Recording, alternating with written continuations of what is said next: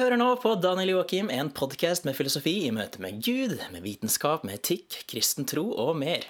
Eh, I dag får du høre et opptak av et foredrag fra Veritas i 2016 som handler om lykke og meningen med livet. For du vet, det det er viktig å bli ferdig med de små temaene før man beveger seg over til mer alvorlige ting, som om det finnes et multivers hvor Tottenham faktisk kan vinne Premier League, eller hvor Dag Sørås er morsom. Ok, jeg innrømmer det, jeg er litt bitter etter tap mot Arsenal denne helga. Men i hvert fall, framover så er det ganske mye spennende du kan glede deg til. På planen så står det bl.a. forklaring på hvorfor du har fri vilje, eh, litt om bevissthetsfilosofi, hvordan kristen filosofi kan berike naturvitenskap, eh, egne gudsbevis samt et par gjester. Så kom gjerne med spørsmål, forslag til gjester eller annet, og send det på mail til mail at danieljoakim.org. Eh, apropos det, så har jeg faktisk bare lyst til å lese opp en mail som jeg fikk i dag, faktisk. Den er fra Henrik, og der står det at jeg tenkte bare å dele noen tanker om bloggen din fra en som nylig har begynt å interessere meg for filosofi og apologitikk. Eh, jeg syns at innholdet i bloggen din er høyst aktuelt, og mer enn noe vekker en interesse for å undersøke mer selv. Og for min del har det gjort at jeg neste år vil studere teologi og ta X-FIL for å bli mer reflektert og tydelig i mitt ståsted som kristen. Takk for ditt bidrag i samfunnsdebatten som en rasjonell og sindig mann. Eh, takk, Henrik. Da har jeg i hvert fall lurt noen. Det er alltid godt å vite. Og absolutt, hvis noe av det jeg skriver bare kan motivere noen til å sjekke ut mer, så har jeg definitivt gjort mitt. Eh, men nå til foredraget. Når jeg hører gjennom nå, så merker jeg at dette foredraget går veldig raskt i starten. I hvert fall hvis du bare holder på hatten og henger med i starten, så blir det litt roligere etter hvert. Og hvis ikke du allerede har på deg en hatt, så bør du ta på en hatt, for alle burde strengt tatt ha en hatt. Men nå meninga med livet.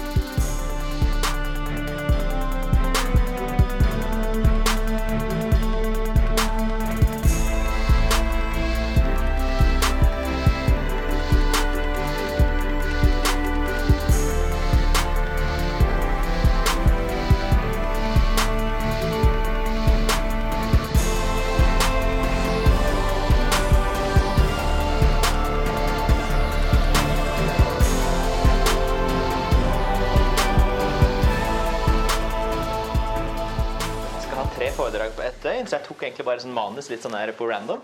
så jeg håper at jeg har på en måte riktig manus foran meg, at jeg prater om riktige ting. Så hvis noen andre merker at jeg prater om noe helt annet, så er det liksom bare å varsle, for da må jeg hente det andre manuset og så prate om det isteden. Eh, ja, den moderne myten om lykke. Eh, jeg prata her i to år nå. For to år siden så prata jeg om hva er tomisme. Eh, I fjor så prata jeg om ateisme. Og skal vi prate om lykke, så dere ser på en måte at eh, det går en rød tråd der. Det gjør ikke det, vet du. Men det er litt av det interessante med også, at du, du, blir, du, blir, spurt om å prate om litt uh, ulike, uh, ulike, temaer. Så jeg skal kanskje ikke prate om så mye myten om lykke. Jeg fant at det var en sånn veldig sånn sexy seminartittel. Men jeg skal få prate litt om uh, lykke. Og jeg skal prate om det litt sånn fra en filosofisk vinkling, for det er stort sett det jeg kan. Og da på en måte se på at hva, hva tenker vi at lykke er i dag, og hva på en måte hva har lykke vært før? Hva, hva prater de klassiske greske filosofene om? For? Når vi prater om lykke, hvordan henger alt dette her sammen? Eh, så når jeg prater om lykke, så prater jeg også litt om hva er meninga med livet. Eh, eh, og egentlig sånn spørsmål som hva, hva, er det gode liv? Eh, så nå skal jeg snart gi dere et svar på hva som er meninga med livet. Så kan dere på en måte ja, reise hjem og slippe å tenke mer på det, og heller tenke på litt mer viktigere spørsmål, som hvilke spillere som United burde signere for at ikke de skal gå glipp av Europacup. Eh, eh, eller sånne andre store spørsmål. Eh, men i hvert fall det gode liv er jo på en måte et av de spørsmålene som menneskene har stilt seg til alle tider. Altså, vi vet liksom at Hvis vi går langt langt tilbake og ser på de første menneskene, så har de stilt seg selv ulike spørsmål som liksom Hvorfor er vi her? Altså hvorfor eksisterer noe i det hele tatt? og så har de prata om ja, men hvordan skal vi leve? Og så har de prata en del om ja, men hvor, hva, hva, kommer til å skje etter at vi dør.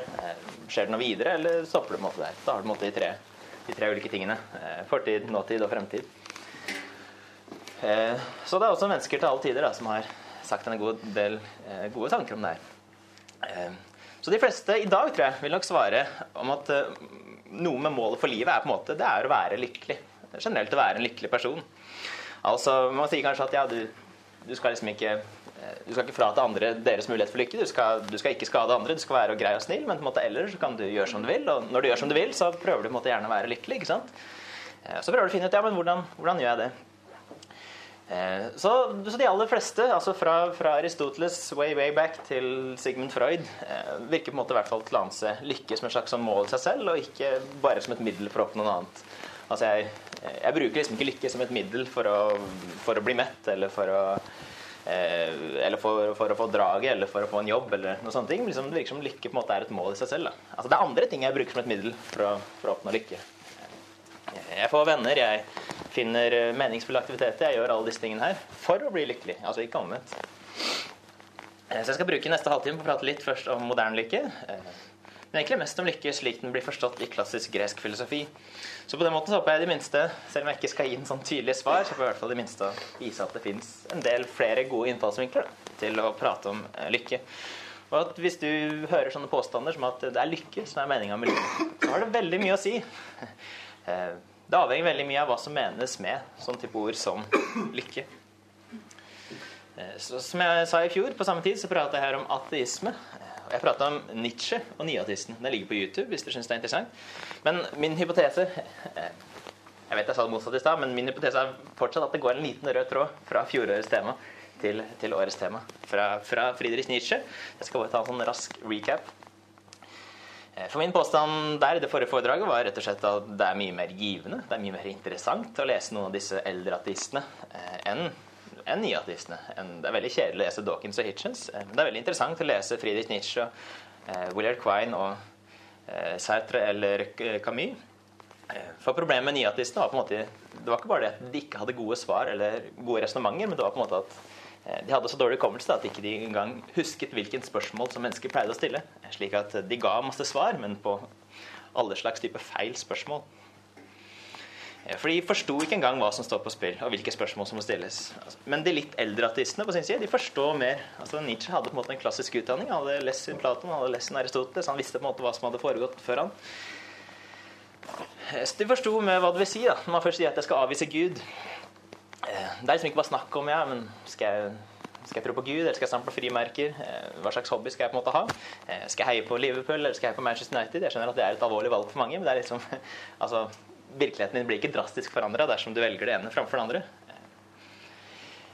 Men heller, når vi velger vårt Gud, så rystes hele vårt fundament for virkelighet, slik vi trodde at vi kjente den. Vi kan ikke lenger ta noen av de kategoriene vi hadde fra før er for gitt, men alt er vekk. Eller i hvert fall prøves på ny. Og i beste fall skal vi kanskje, og bare kanskje, rekonstruere et eller annet. eh, Etter ja, ofte vilkårlige prinsipper. Vi vet ikke helt hva som ligger til grunn for eh, de tingene vi rekonstruerer, men vi prøver på en måte å løse det på best mulig. Så Friedrich Nietzsche skriver bl.a. om at i boka The Gay Science om at Guds død er noe helt annet enn døden til påskeharen eller et flyvende spagettimonster, sånn som vi ofte hører i dag. Eh, Så han skriver Skal vi se Ja, så Der så skriver han på en måte den der eh, historien om hva som skjer når Gud er død. og Der skriver han Where is God? I will tell you, we have killed him, you and I. All of us are his murderers. But how did we do this? How could we drink up the sea? How gave us the sponge to wipe away the entire horizon? What were we doing when we unchained this earth from this sun? Whither is it moving now? Whither are we moving? Away from all the suns? Are we not plunging continually? Backwards, sideways, forward in all directions? Is there still any up and down? Are we not straying as through an infinite nothing? Do you not feel the breath of empty space has not become colder? Is not night continually closing in on us? God is dead. God remains dead. And we have killed him. Og så fortsetter han et annet sted. How shall we comfort ourselves, the murderers of all murderers? What was holiest and mightiest of all the world has yet uh, owned? All that the earth has yet owned has bled to death under our knives. Who will wipe this blood uh, of us? What water is there for us to clean ourselves? What festivals of atonement, what sacred game shall we have to invent? Is not the greatness of this deed too great for us? Så min påstand er på en måte at Nietzsche skjønner på en måte at når, når Gud er død, så forandres alt. Eh, Da er det ikke sånn at du, måte, du kan ikke bare gå videre som før, men da det er på en måte den der garantien da, for hele den eksterne virkeligheten, det som måtte ha opprettholdt disse kategoriene. Eh, mening, godt, ondt. At det finnes en sannhet som, man, som er meningsfullt å avdekke. Eh, den type ting. Så det er veldig mye drama her fra Nietzsche. I hvert fall mer drama enn dersom vi bare på en måte hadde mistet en sånn allmektig, usynlig julenissefigur.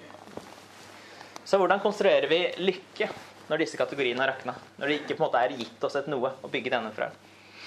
Eh, Så Nietzsche ender jo også opp i Alsos fra Sarasostra. Eh, også, også sa Sarasostra. Opp med tanken om at det er overmennesket, de Übermensch, eh, som er det nye målet vårt. Da. Overmennesket lar seg ikke kue av alle disse konseptene vi har hatt om før. Disse konseptene om godt og ondt og riktig og galt, men vi lever på en måte forbi slike kategorier nå. Kategorier som begrenser oss. Man søker tvert imot å overvinne de pålagte begrensningene som man har som menneske, og må bringe menneskeheten videre til et høyere nivå. Altså, han hata jo han hata kristendommen nettopp fordi han mente at det var en, det var en slavemoral som var pålagt oss, som gjorde at vi ikke greide å leve til vårt fulle jeg. Da, som gjorde at vi eh, nærmest så på det å være svak, det å være fattig, som noe vakkert. Fins noe mer foraktelig enn det? Men Nietzsche mener at det er the will to power. At det, det, handler, om få, det handler, om å få, makt. Det handler om å uttrykke seg selv fullt ut. Gjennom å utøve makt, gjennom å påvirke andre. Gjennom eh, å utøve seg selv, gjennom kunst, gjennom å komme med ideer. Eh, men det er fortsatt ikke lykke som er Nietzsches øverste mål. Men tvert imot så sier, eh, sier Nietzsche at overmennesket er lystig. Men mer som et resultat enn å være et mål i seg selv. Så Nietzsche har egentlig bare forakt for dem som fortsatt holder lykke som øverste mål. Siden en type måte tankeløs hedonisme ikke er spesielt godt egnet for the Übermensch. Han skriver, i, eh, han skriver bl.a. i The Twilight of the Idols at Mankind does not strive for happiness, only the Englishman does that. Det som lett Nietzsche, at han, han, prater ikke så veldig pent om engelskmenn. Dette er ikke et kompliment til de. Men jeg tror på en måte at for å dra den røde tråden tilbake, da, så tror jeg at eh, litt av prosjektet vårt siste 100 åra etter at Nietzsche levde på slutten av 1800-tallet, har på en måte vært å likevel prøve å rekonstruere denne lykke, men uten kategorier. Eh, uten de kategoriene vi hadde fra før av. Eh, vi prøver på en måte å finne tilbake da, til en slags nær mening til et eller annet som driver oss framover.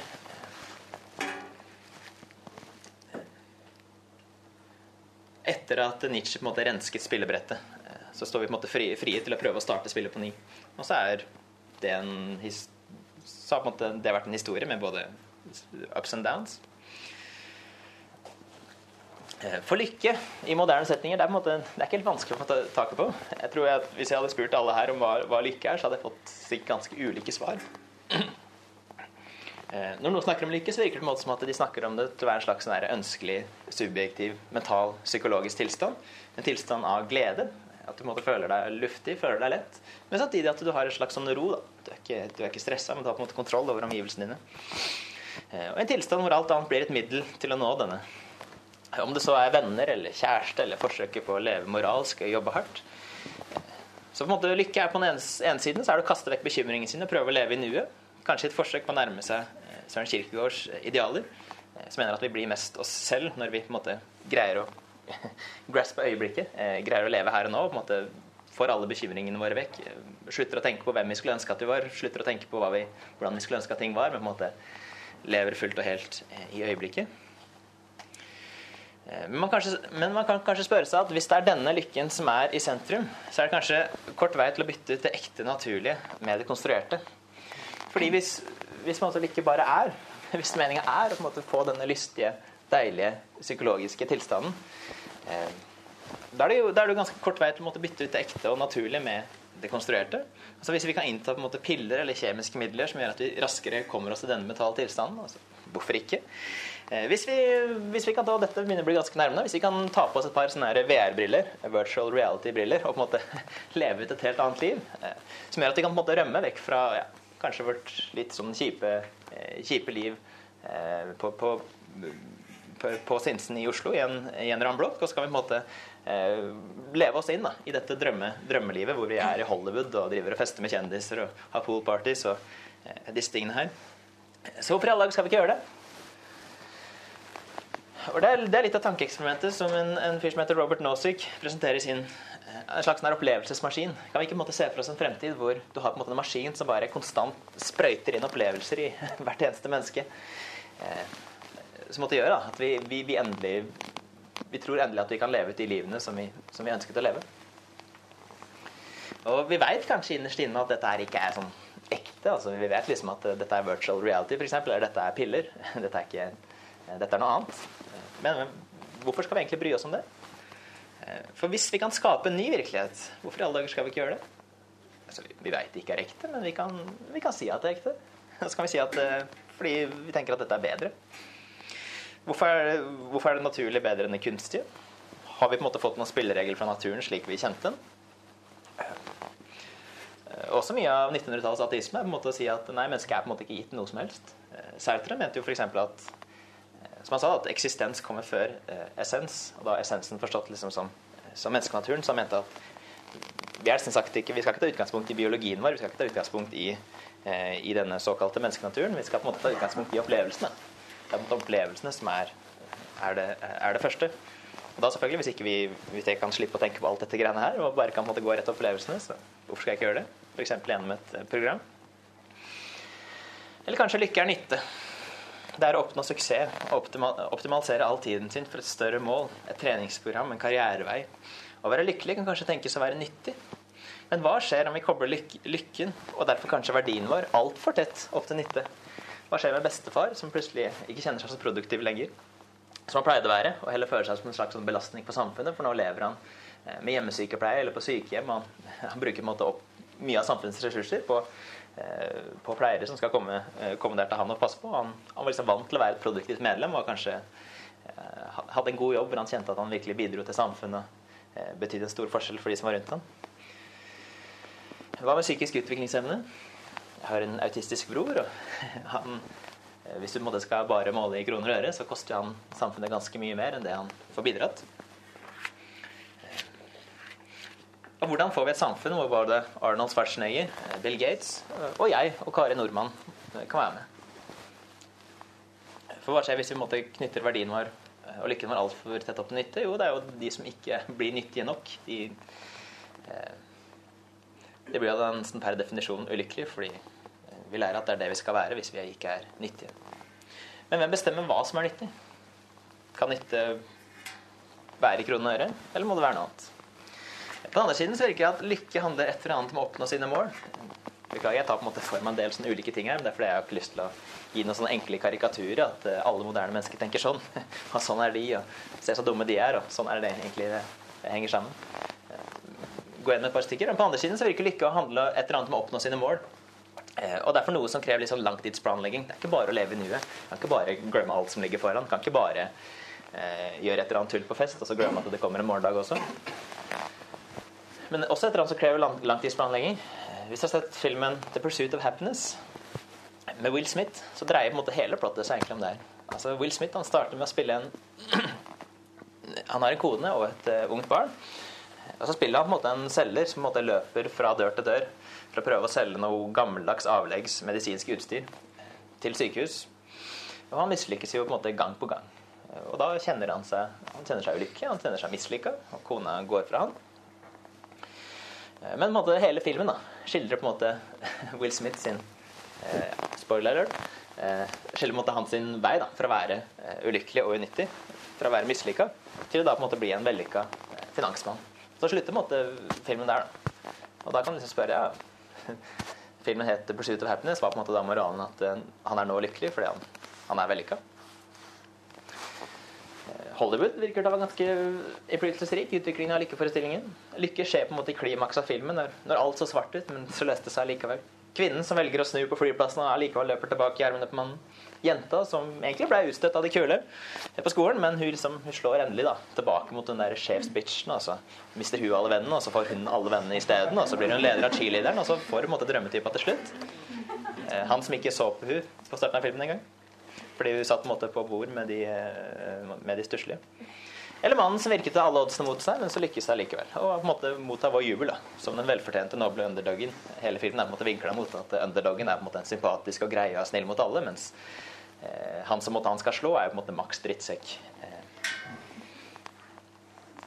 så lykke er på en måte det som skjer i akkurat det øyeblikket hvor filmen ganske strategisk velger å avslutte.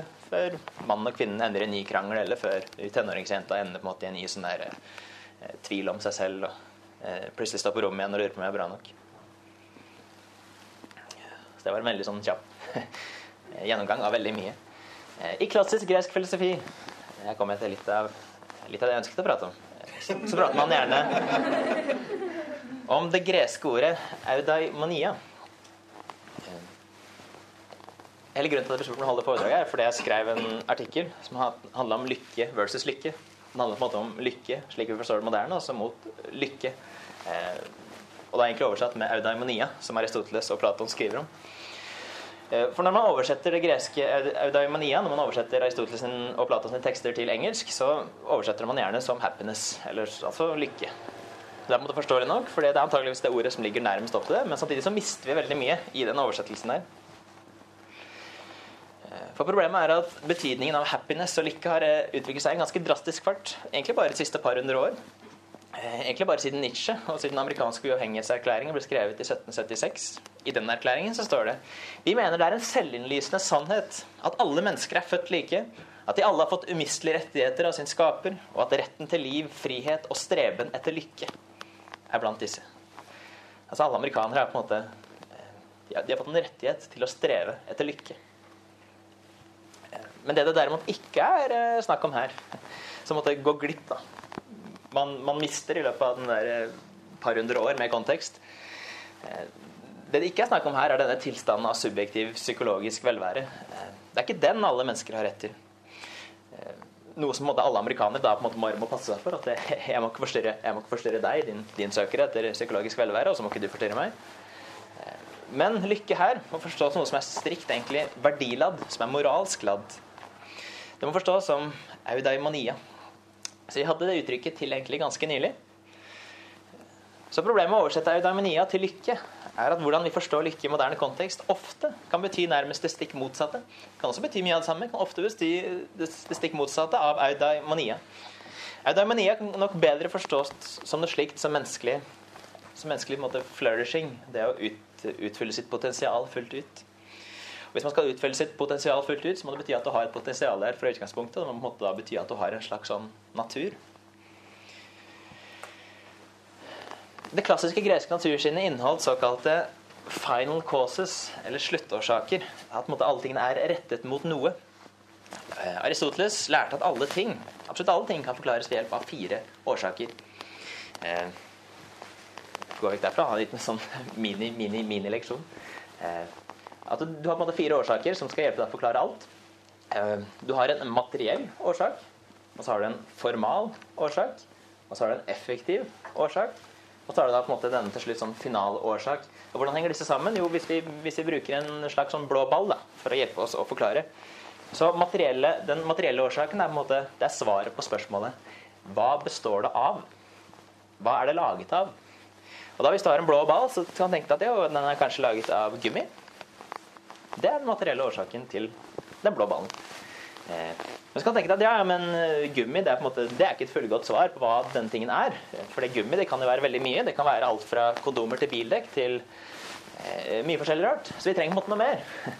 Og da, da, da kommer vi på en måte til den formale årsaken. Og det på en måte forklarer eh, et eller annet om eh, Det er på en måte enkelt svar på hva, hva, hva den er. da. De essensielle tingene som denne tingen krever for å være en ball, f.eks. så må den være rund. Så du har ikke sett noen firkanta baller, du har ikke sett noen eh, rektangulære baller. Den må være rund. Og så må den være solid. Den må ikke bare være sånn eh, mushy. Sånn, eh, hvis jeg skal prøve å sprette den, så bare faller den ned i en sånn her vann, vannpæl. Og så skal den måtte være fast, og, og, og, et par sånne ting. det, det må ikke være blå. Jeg kan fortsatt kalle den for en ball selv om den er rød. f.eks. så er det måte, Du har noen ting som er helt essensielt for at man skal kunne kalle det en ball, og så er det noen, noen ting som er litt sånn tilfeldig. F.eks. som størrelse eller som farge. Eh, blå ball, rød ball. Eh, samme det, liksom. Den, det er en ball. Eh, men skal du tenke deg at ja, denne, denne, denne, ballen har ikke alltid eksistert. Men hvorfor eksisterer den her nå? Den, den, må jo komme inn i eksistens på et eller annet øyeblikk. Og da kommer du på en måte videre til årsak nummer tre. Effektiv årsak. Eller bevirkende årsak bruker man gjerne i dag. Og da på en måte spør hva fikk denne tingen inn i eksistens? Før så var det bare denne rågummien.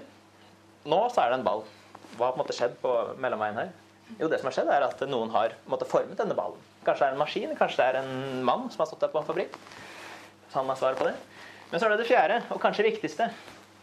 Jeg vil si viktigste egentlig for å forstå den naturen vi lever i. er på en måte det siste spørsmålet. Eh, hva er denne ballen for? For den, den, den, forklarer på en måte alle de andre. For ingen, hadde, ingen hadde lagd den ballen her hvis ikke den var for noe. Altså Det er ingen som måte bare lager eh, Setter sammen masse eh, masse Hvis du måtte ser tingene rundt deg, da. Du ser på en måte at alle de tingene har på en måte et formål. Noen har skapt dem for, for en hensikt. Eh, til og med på en måte kunstnere som driver og setter sammen et søppelspann og et, en treskrott og mye sånn forskjellig, de har på en måte også et formål med det, nemlig eh, å, å, å uttrykke et budskap, f.eks. Eh, nemlig det at eh, søppel kan gjenbrukes eller noen sånne ting. Så selv ting som måtte virke ganske tilfeldig, har på en måte et slags sånn formål i den forstand.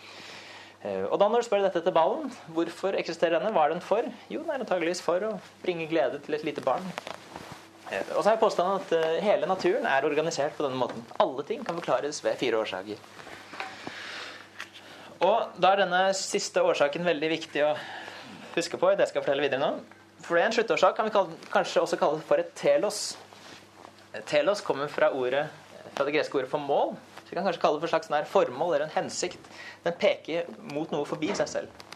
Altså, Når du har en ball, så slutter ikke alt med denne ballen, men eh, den peker på en måte mot noe forbi seg selv. Noe som gjør at den gjør at den, den, bruker sitt potensial fullt ut, kan du, forstå, eh, kan du si. Hvis en ball bare blir stua ned på et lager, så bruker ikke den ballen seg, seg fullt ut. Den, den, den, den, lever ikke ut sin grunn til å eksistere, kan jeg si. Eh, så det forteller noe om at alle eksisterende ting har en slags innebygd rettethet mot noe forbi seg selv. Noe som gjør at det endelig kan utfylle fullt og helt sitt potensial. Eh, og alle ting. Altså, en eikenøtt har på en måte, det er en slags sånn rettethet mot å bli for et eiketre. Altså, hvis ingenting kommer inn og forstyrrer, så er det, det, det fulle aktualisering av dens potensial. Eh, en, et hjerte har en slags sånn rettethet mot å utøve en spesiell funksjon, nemlig å pumpe blod rundt i kroppen. Altså, du kan ikke prate om menneskelige organer for eksempel, uten å spørre om hva, hva er det for. Eh, biologer prøver på en måte å bli kvitt dette er teloset, for det Eh, det er, ikke, det, er, det er, ikke, vitenskapelig nok. Men allikevel så eh, Biologer kan ikke prate om organismer eller organer uten å måtte spørre seg selv ja, men hva er dette her for.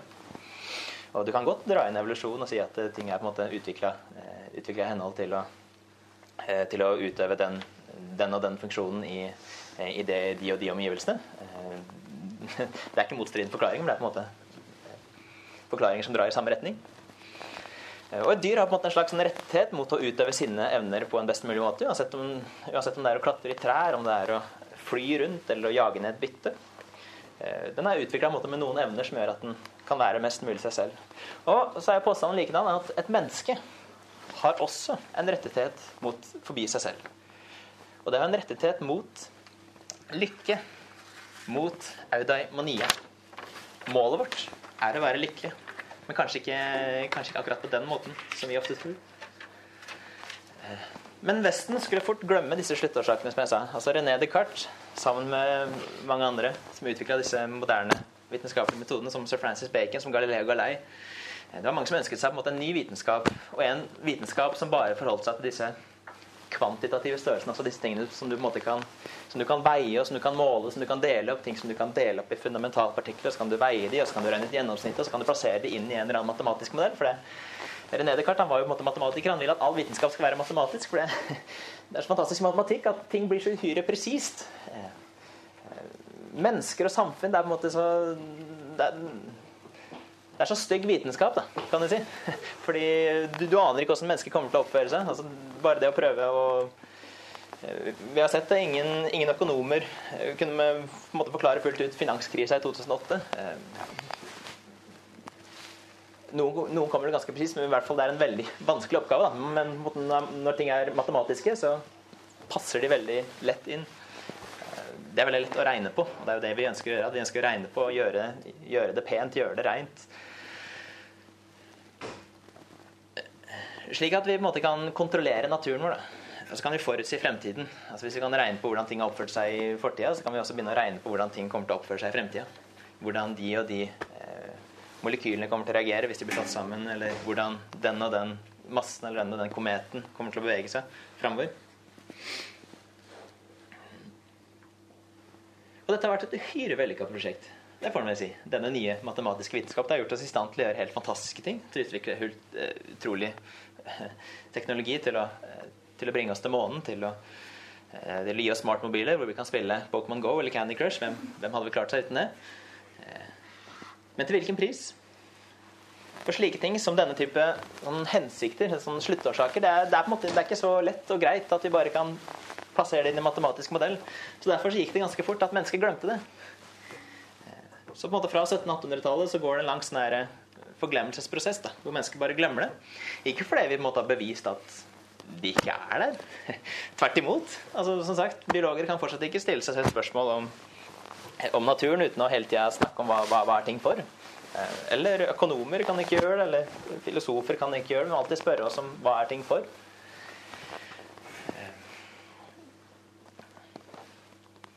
Så vitenskapen har på en måte ikke motbevist det, har liksom bare ignorert det. Vi har valgt å fokusere på noe helt annet. Etter hvert så har vi blitt så glad i disse matematiske modellene at vi nesten vi har gått fra den steget da, til å si at uh, dette her kan måles ved disse metodene, til å si at uh, dette er alt som eksisterer. Men det er på en måte litt som å si at uh, fordi en metalldetektor er utrolig flink til å finne metall, så er på en måte metall det eneste som eksisterer. Følger det? Nei, selvfølgelig følger det ikke det. Det betyr bare at man også kan bruke flere verktøyer med flere, flere tanker i hodet. Så min påstand er altså at disse hensiktene er veldig reelle. Ting i naturen peker forbi seg selv, også mennesker.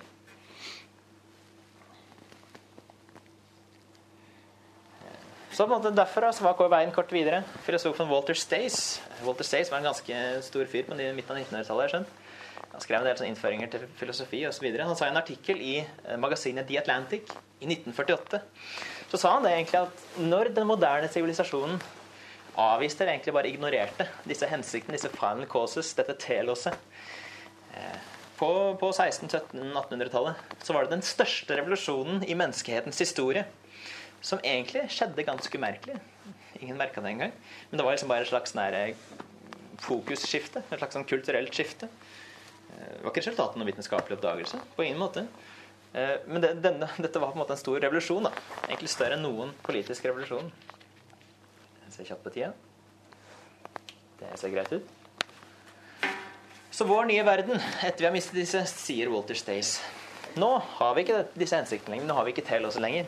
Så den nye verden er meningsløs, den er hensiktsløs. Telos er vekk. Det som tidligere var et såkalt teleologisk, fra ordet telos, natursyn, er nå vekk. Naturen må vi på en måte tolke på ny. Vi må tolke den som en, bare en samling med blinde krefter og blinde lover. Eh, til og med vi er måte mennesker som bare blir kastet rundt eh, i henhold til visse naturlover som måtte ha fungert helt siden Big Bang. Men det fins ikke noe iboende hensikt eller noe iboende eh,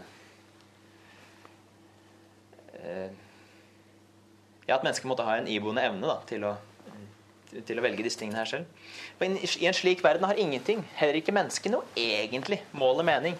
Altså Vi kan søke måte, vi kan løpe rundt hele livet og måte, søke litt sånn usammenhengende mål. Vi kan søke penger, vi kan søke berømmelse, vi kan søke kunst, vitenskap. Og finne en slags nær midlertidig tilfredsstillelse, en slags midlertidig glede i det. Men vi kan ikke lenger måte, finne noen sånn overhengende hensikt for hele livene våre, som hele livene våre da skal være rettet mot. Eh, vi må nesten bare finne sånne forstyrrelseselementer som vi på en måte kan dra inn her og der for å komme på den der nye haien, eh, hvor vi på en måte endelig får den psykologiske opplevelsen igjen. Så kommer vi tilbake igjen, og så får den tilbake igjen, så prøver vi å finne sånne måter som vi på en måte hele tida kan tilkalle den. Og litt det samme med moral. Om ikke moral på en måte er vevet inn i selve naturen selv, så må det være fullt og helt vår egen oppfinnelse. Uh. Altså hvis de, selv om de er vevet inn i naturen, så kan vi selvfølgelig avdekke de med fornuften. Altså Fornuften vår alene kan måtte si et eller annet om rett og galt. Men hvis ikke det engang er eh, sant at de på en måte er i naturen i den forstand, så må det bare være noe som vi bare finner på på egen hånd. Men så klart, det som noen foretrykker, det, det avskyr andre, og vice versa. Så moral er på en måte bare påstander om egentlig våre egne subjektive preferanser. Noe liker jeg, og noe liker du. Og det er fullstendig relativt, og du, du kan måtte ikke påføre meg det du liker, for det, det er ikke sikkert at det hjelper meg. Eh, og sammen med deg. Vi må, vi må la hverandre være i fred. Så det er måte Walter Stace da, sin lille sånn analyse fram mot det moderne samfunnet. Eh, jeg regner med at det høres kjent ut for noen. Men kanskje er jo dette her en god ting. For hvis ikke det måtte er noen ultimat moral og mening som er gitt oss utenfra, så kan vi i hvert fall i én forstand velge de selv. Eh, og Nietzsche som klassisk utdannet virker på en måte til å trekke sånn parallell da, mellom at vi mistet disse kosmiske hensiktene, dette telåset, og Guds død. At disse kategoriene bare forsvant. og så Eh, og så svever vi på en måte bare i løse lufta, så må vi prøve å finne et eller annet håndfast å gripe i. Så kanskje finner vi ikke det heller, men så bare finner vi på noe. Så for Nietzsche så er dette her er en grunn til å feire, for det betyr at mennesket har fått en ny start.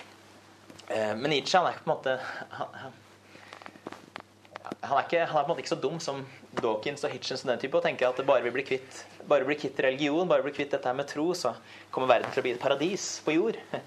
Men tvert imot. Eh, Nietzsche skjønte det at dette er muligheten for en ny start, men samtidig, så når disse tingene forsvinner, så får det fatale konsekvenser for verden. Eh, han så for seg en tid framover, og han lever jo på slutten av 1800-tallet, og så for seg en tid med destruksjon, terror og opprør. Og det Det var på en måte ganske profetisk, og 1900-tallet ble det mest dødelige i verdenshistorien. Så Nietzsche han tegner på en måte en sånn her, Han tegner en gal mann som driver og løper rundt på markedsplassen på en måte roper ut at Gud er død. Fordi han tenker at De intellektuelle i Tyskland har, måte, de har, de har skjønt det her med intellektet, men de har ikke skjønt det med livene sine. De har ikke skjønt hvilke konsekvenser det får. Fordi de, disse menneskene rundt ham de lever på en måte fortsatt eh, som om Gud egentlig eh, er der. Som at hensikt og moral reflekterer et eller annet som er dypere. Som at det virkelig finnes ting som er rett og galt, som er godt og ondt. Og så sammenligner han dette med Buddhas skygge. Eh, det var en sånn gammel sang om at eh, når Buddha døde eh, altså Buddha satt på en måte der og mediterte, og når Buddha døde, så var på en måte skyggen hans på veggen eh, lenge etter at han var død. Så den skyggen måte, den satt fast der i, i flere tiår etterpå. Og på samme måte tenker han, sier på Nietzsche at Gud er død, men skyggen hans ligger måte fortsatt over samfunnet. Vi, vi, lever fortsatt som han virkelig lever. Vi lever fortsatt som at rett og galt peker mot noe større enn en bare våre egne ja, egentlig bare vår egen kjemikalieflyt i kroppen. Vi lever som at mennesker fremdeles har en virkelig natur som sier noe om hvordan vi burde leve. Fordi uten noe som er gitt oss, så virker det som at vi er helt og fullt overlatt til våre egne perspektiver, uten egentlig gyldighet utenfor oss selv. Men hvor vi i ulik grad har makt til å påvirke andre, men siden vi egentlig bare alle har ulike perspektiver, så er veien kort til at vi må prøve å skrive en slags sånn type ikke-aggresjonspakt, som er litt sånn kardemommeloven. Du skal ikke plage andre, du skal være grei og snill, så kan du gjøre som du vil. Og dette er på en måte ser vi allerede i eh, Thomas Hobbes fra 1200-1300-tallet. Eh, og så ser vi at disse tankene her de kommer inn i veldig mye politisk filosofi, og så er det sånn vi har strukturert samfunnet vårt. På, på godt og vondt. Mye, mye, godt med det også, for så vidt. Eh, hvordan vi skal lage samfunn hvor det er mulig for veldig mange ulike mennesker å leve. Men det var en liten avsporing. Hvorvidt denne utviklingen er en god eller en dårlig ting, det, det, må dere altså nesten finne ut selv. Eh, men jeg skal hvert fall si, eh, jeg skal avslutningsvis si noen flere ord til fordel for eudaimonia. I Platons dialog, Gorgias, finner vi Sokrates i diskusjon med Kallikles. Kallikles forsøker, som vi ofte gjør, å si at eudaimonia nei, det er bare nytelse. Men Sokrates stopper han og så peker han at jo, men eh, det er et disiplinert liv mot det gode som er, eudaimon, som er eudaimont. Mens et liv i uhindret nytelse er egentlig bare usselt og ulykkelig. Og For Sokrates gir det mening å si at han, føler, at han ikke føler seg lykkelig, men han er ulykkelig. For nettopp, nettopp, fordi han ikke lever opp til å være den beste utgaven av hva et menneske har til oss til å være. Han lever ikke opp til den objektivt gitte meningen med menneskelivet. Det ville vært helt absurd for oss i dag ikke sant? å si at uh, er du lykkelig, og så sier du ja, og så sier jeg nei. Det er du ikke. Ja, men lykke er på en måte bare en slags sånn subjektiv psykologisk tilstand. altså Lykke er bare tilgjengelig for meg selv. altså Du kan ikke fortelle meg at jeg ikke er lykkelig, for det, det er det egentlig bare jeg som veit. Det er på en måte en privat opplevelse som bare jeg ser. Men det ga altså mening her. Så å leve et eudaimont liv er det samme som Aristoteles kaller det for å leve dydig. Å leve etter dydene. Platon skriver i Republikken om hvordan rettferdighet for eksempel, alltid er lykkeliggjørende. Hvis du er et rettferdig menneske, så er det alltid lykkeliggjørende. Det er å leve et liv i henhold til sitt telos, det er å ta sikte på å bli den beste mulige versjonen av seg selv. Det er å utøve sine evner som et unikt medlem av menneskearten på en best mulig måte. Slik som eikenøttene sikter mot å skape en best mulig utgave av et eiketre, eller ekornet sikter mot å skape en best mulig utgave av seg selv. Ved å spise nøtter og hoppe rundt i trær. Ved å bruke fullt ut de evnene den, den, den, er, den er skapt med. Men ulik planter og dyr så er mennesket helt enestående i å kunne oppnå eudaimonie. For vi er ikke bare en dyr, vi er et rasjonelt dyr. Vi har noe i tillegg. Vi har intellekt som gjør at vi plutselig står moralsk ansvarlige. Eh, og så står det at eudaimonia eh, Det å være dydig aleine, det, det, er ikke nok for å oppnå eudaimonia. Men eudaimonia det oppnås ved å koordinere ens eh, rasjonalitet med ens dyd. Altså, jeg, jeg skal både vite et eller annet om hva som er godt, jeg skal også, også velge det. Så det er på en måte det som er det som er meningen. da, å både på en måte lære om hva som er godt, eh, og lære om hvordan jeg utnytter fullt ut mitt potensial, men også måtte ha den der viljestyrken, ha den disiplinen til å velge det. For Fordydsetikken er jo på en måte en moralfilosofi som tar sikte på å utvikle en karakter. Fordi vi har en menneskenatur, og vi har også en karakter. Vi, vi, vi, bygger, vi, bygger prosjektet oss selv hele livet, kan du si. Eh, det fins aldri en tidspunkt hvor vi slutter å bygge oss selv. Eh, og kontra på en måte ting dere kanskje lærte om i etikken på skolen, konsekvensetikk, pliktetikk, så prøver de på en måte å finne en slags handlingsregel for hvert enkelt valg. Eh, hvis, du er, eh, hvis, du er, sånn og sånn, hvis det, hvis det, går et tog som holder på å kjøre opp fem stykker, hvis du, hvis du kommer opp i den situasjonen, eller hvis det dunker noen på døra di og spør om du har en, spør om du har en jøde på loftet, hvor de at du måtte prøve å finne en per situasjon, så anerkjenner dietetetikken det at det er umulig altså menneske, Alle mennesker tar på en måte tusenvis av valg hver eneste dag. Så det er på en måte umulig, å, umulig å lage sånne handlingsregler som skal være nok for alle de utrolig komplekse situasjonene som vi kommer i. Vi kan ikke forutse alle situasjonene vi kommer i. Men dette heller sikter på en måte bare å utvikle vår karakter. Slik at, vi skal bli, slik at vi naturlig skal kunne ta bedre valg når vi, når vi eventuelt kommer og møter dem. Eh, vi kan liksom ikke tro at vi, vi kan leve som en drittsekk seks dager i uka. Så kommer vi på en måte den sjuende dagen, og så gjør vi noe og så velger vi naturlig eh, å, å gjøre kjempemoralske ting. For det å utvikle en karakter det krever disiplin. Det krever at vi søker å tillegge oss gode vaner. Eh, ikke bare noe vi gjør én gang, men noe som på en måte gjentar seg. For moderne psykologi det forteller oss at vi er høyst plastiske vesener. Hva betyr det? Jo, det betyr at vi, vi, vi fortsetter å utvikle oss. Jeg var på konferansen for medisin og kristen tro i går, og da prater jeg veldig måte om epi, epigenetikk. At måte, ting, du, ting, du, opplever, og ting du lærer og ting du gjør i løpet av livet, det på en måte går tilbake da, eh, i genene. som du, du, da på en måte fører videre. Så Vi må liksom ikke tenke at når vi er 18 år, så er vi på en måte fullt utvikla. Men vi fortsetter å utvikle oss. Og spesielt hjernen vår. Den er ikke, den er ikke ferdig. Men den, hjernen vår kommer til å fortsette å utvikle seg eh, til den dagen vi dør. Og kommer, hva, Hvordan kommer den til å utvikle seg? Hva er det som bestemmer hvordan den utvikler seg? Jo, det er jo i de situasjonene jeg møter, i de tankene jeg gjør, og i de handlingene jeg foretar meg, og de tingene jeg utsetter meg for. Ting jeg ser på TV, ting jeg ser på film, ting jeg leser. Mennesker jeg møter, bøk Ja, alle disse tingene her. Så det er også litt sånn naivt å tenke at vi kan, vi kan utsette oss for ja, hva søren vi vil, men det kommer ikke til å påvirke oss. For vi vi er fullt og helt måte, biologiske vesener som, som svarer eh, i henhold til ting vi blir utsatt for. Så vi handler i stor grad ut fra vår egen biologi. Men vi kan også aktivt påvirke vår egen biologi. Vi kan, vi kan bestemme et eller annet om hvordan den biologien skal være. Så Derfor, har, derfor gir det også veldig mening at Aristoteles har så fokus på vaner.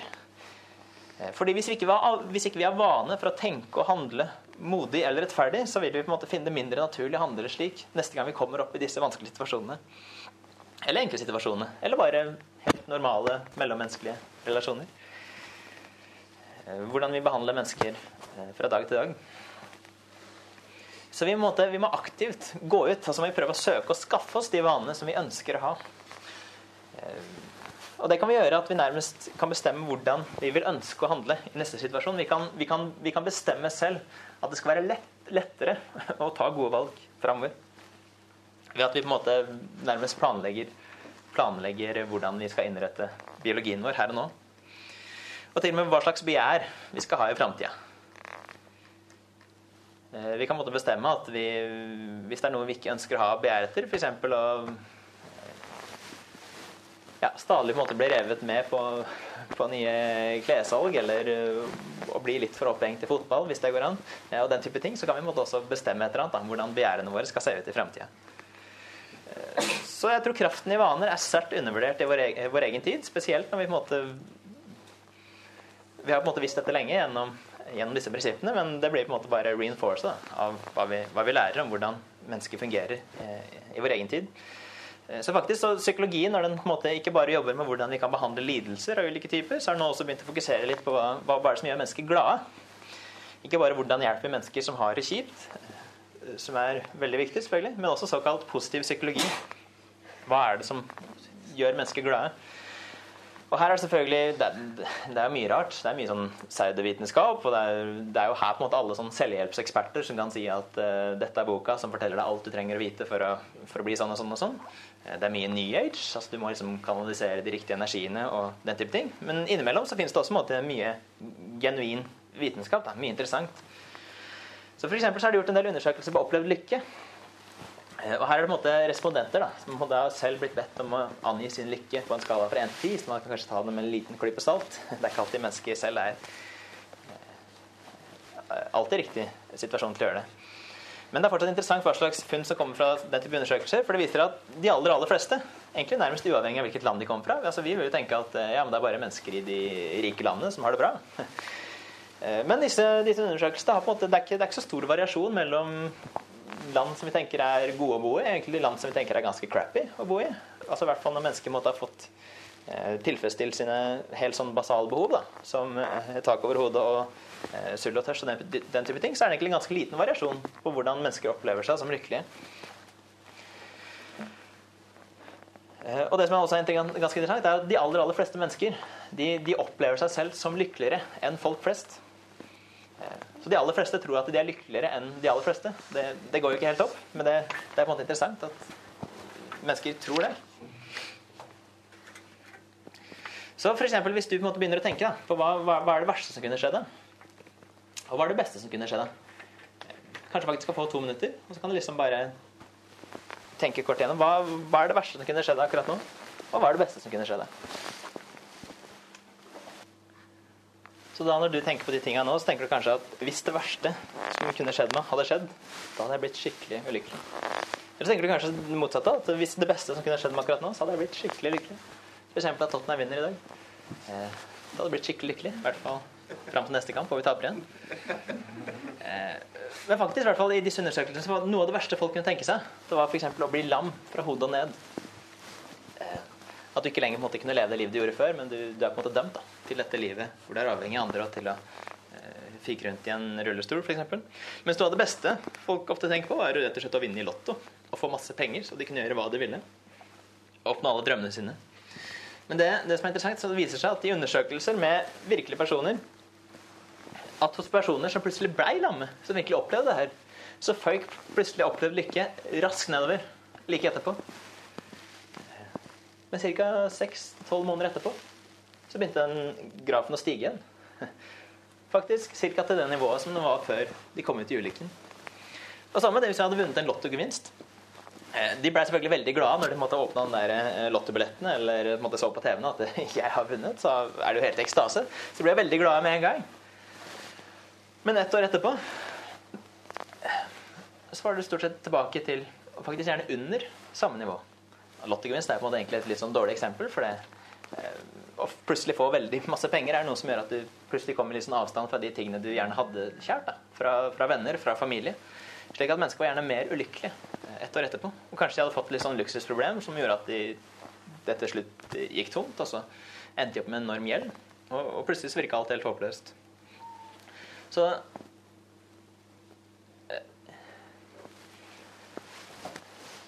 Ja, og dere, dere vet det der fra erfaring, dere òg? At dere tenker at disse store heltene som måtte leve det livet som ønsker å leve, disse fotballstjernene, disse filmstjernene, eh, disse musikkstjernene som måtte ha slått igjennom og tilsynelatende fått alt altså Plutselig så virker det som det har skjedd et eller annet med de som har gjort at de plutselig blir ulykkelige, og så ender de opp med eh, Jeg vet ikke om det finnes statistikker på eh, narkotika og overdoser blant eh, rockestjerner kontra vanlige mennesker. Altså Mennesker som du trodde levde dritkule liv, som måtte stå der på scener og blir opphøya som en gud.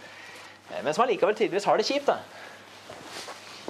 Så på en måte årsaken til at ting stabiliserer seg litt sånn allikevel, jeg tror at vi venner oss til ting. Mennesker er veldig tilpasningsdyktige, er veldig flinke til å uh, håndtere situasjoner etter hvert som vi måtte skjønner at dette er det som er gitt oss. Så positivt eller negativt så tar det gjerne en stund, og så venner vi oss til det. Eh, så da har vi måtte, to valg. Enten skal vi måtte, gå ut og hele tida søke det nye som måtte, skal gi den der nye haien, den nye lottogevinsten. Som gjør at vi måtte, hele tida får den der nye. Vi veit at det ikke kommer til å være. Fordi mennesker venner seg til ting. Men vi, vi kan prøve å hoppe fra den ene ting til den andre. Jeg tror det var skrevet en bok som måtte handle om hvordan ble mennesker lykkelige. Og det handla liksom om at du, du, hele tida skulle gjøre nye ting hver uke. Altså, eh, En uke så skulle du reise til Bali og surfe, og neste uke så skulle du eh, drive med vindkiting. Og uka etterpå skulle du reise ned til Afrika og være volontør på et eller annet barnehjem, og uka etter det så skulle jeg måtte gjøre noe nytt. Du måtte hele tida gjøre nye ting. Da. Eh, det høres jo litt slitsomt ut. Ellers kan du måtte velge den andre tingen. Det er å prøve å tillegge deg gode vaner. Eh, for dere kjenner jo kanskje, kanskje stedet som sier det best, det er jo på en måte bare forkynneren i Bibelen. altså der, der, finner du på en måte virkelig en person som er konge, som har masse rikdom, masse ære, masse respekt, som har koner, som har slaver, som har konkubiner. Eh, mennesker som bare er der for ens egen seksuelle tilfredsstillelse. Altså både, både menn og kvinner, faktisk. Men fremdeles så forkynneren er jo ikke en sånn veldig happy bok, akkurat. Eh, han skriver på en måte nærmest at han, at han, hater livet sitt, og at han måtte oppdager da, etter hvert at uh, alt han jager etter, det er jo bare som vind. Fordi det var en liten stund, og så kommer du på en måte ned fra den haien igjen, og så er du på et stabilt nivå, eller eh, så går det enda lenger ned. Etter hvert som du måtte finne ut at ikke engang den tingen på en måte tilfredsstilte meg. Så da virker det i hvert fall bedre å feste livet i henhold til noe som er litt mer stabilt, noe som måtte er der litt mer fast. For det at vi hele tida det at vi hele tida møter markedsføring for eksempel, som prøver å fabrikkere, som prøver å lage nye begjær i oss, eller at vi lever måte, etter filosofier som sier at du skal glemme morgendagen, du skal gi litt mer F, eller Carpe Diem, så gjør det, måte, det gjør det så stort lettere. da. Eh, ikke at det er det er ikke noe galt i seg selv å på en gi litt F iblant, eller å gripe dagen. Men når vi på en måte isolerer hver enkelt dag våre, våre hverdagslige valg ut fra den karakteren som vi ønsker å være, så er det lett å måte, overse disse tingene her hvis vi på en måte ikke tenker på, på hvilken person vi ønsker å være. Da. Og for å si litt sånn flåste, hvilken biologi vi ønsker å ha. Så vi skjønner at Etter Aristoteles var det lett for katolsk tankegang å ta over denne dydsetikken. Og da egentlig bare bruke ordet synd, synd som da betyr måte, å bomme på målet, til å bare vise til disse tingene som hindrer oss fra å bli den beste utgaven av oss selv. Så synd er på en måte det som holder oss fra vårt eget telos, som, som hindrer oss fra å få ut potensialet fra oss selv. Og da katolske tenkere som Thomas Akinas eh, snakker om eudaimonia, så sier han naturligvis at dette bare er et midlertidig mål i dette livet.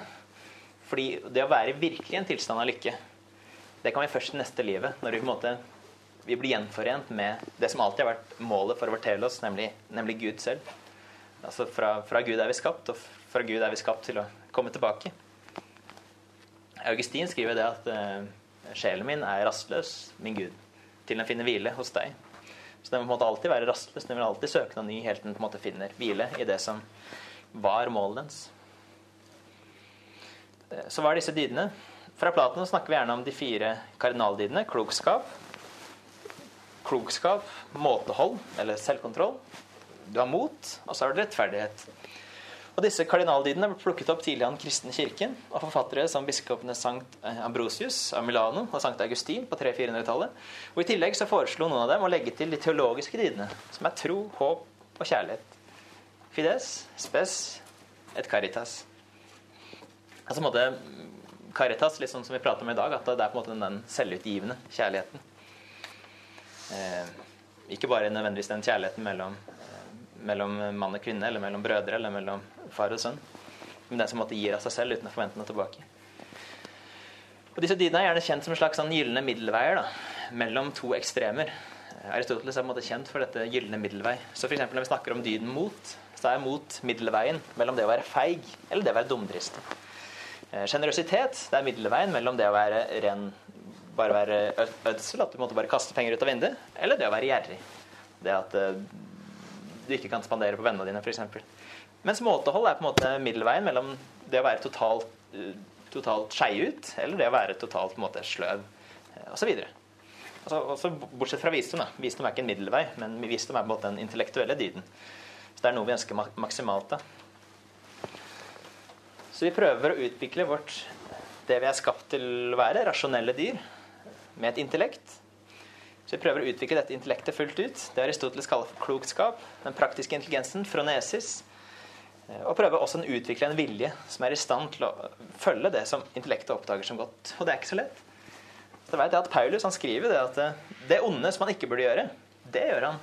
Men det gode som han vet han ikke burde gjøre, nei, det gode som han vet han burde gjøre, det gjør han ikke.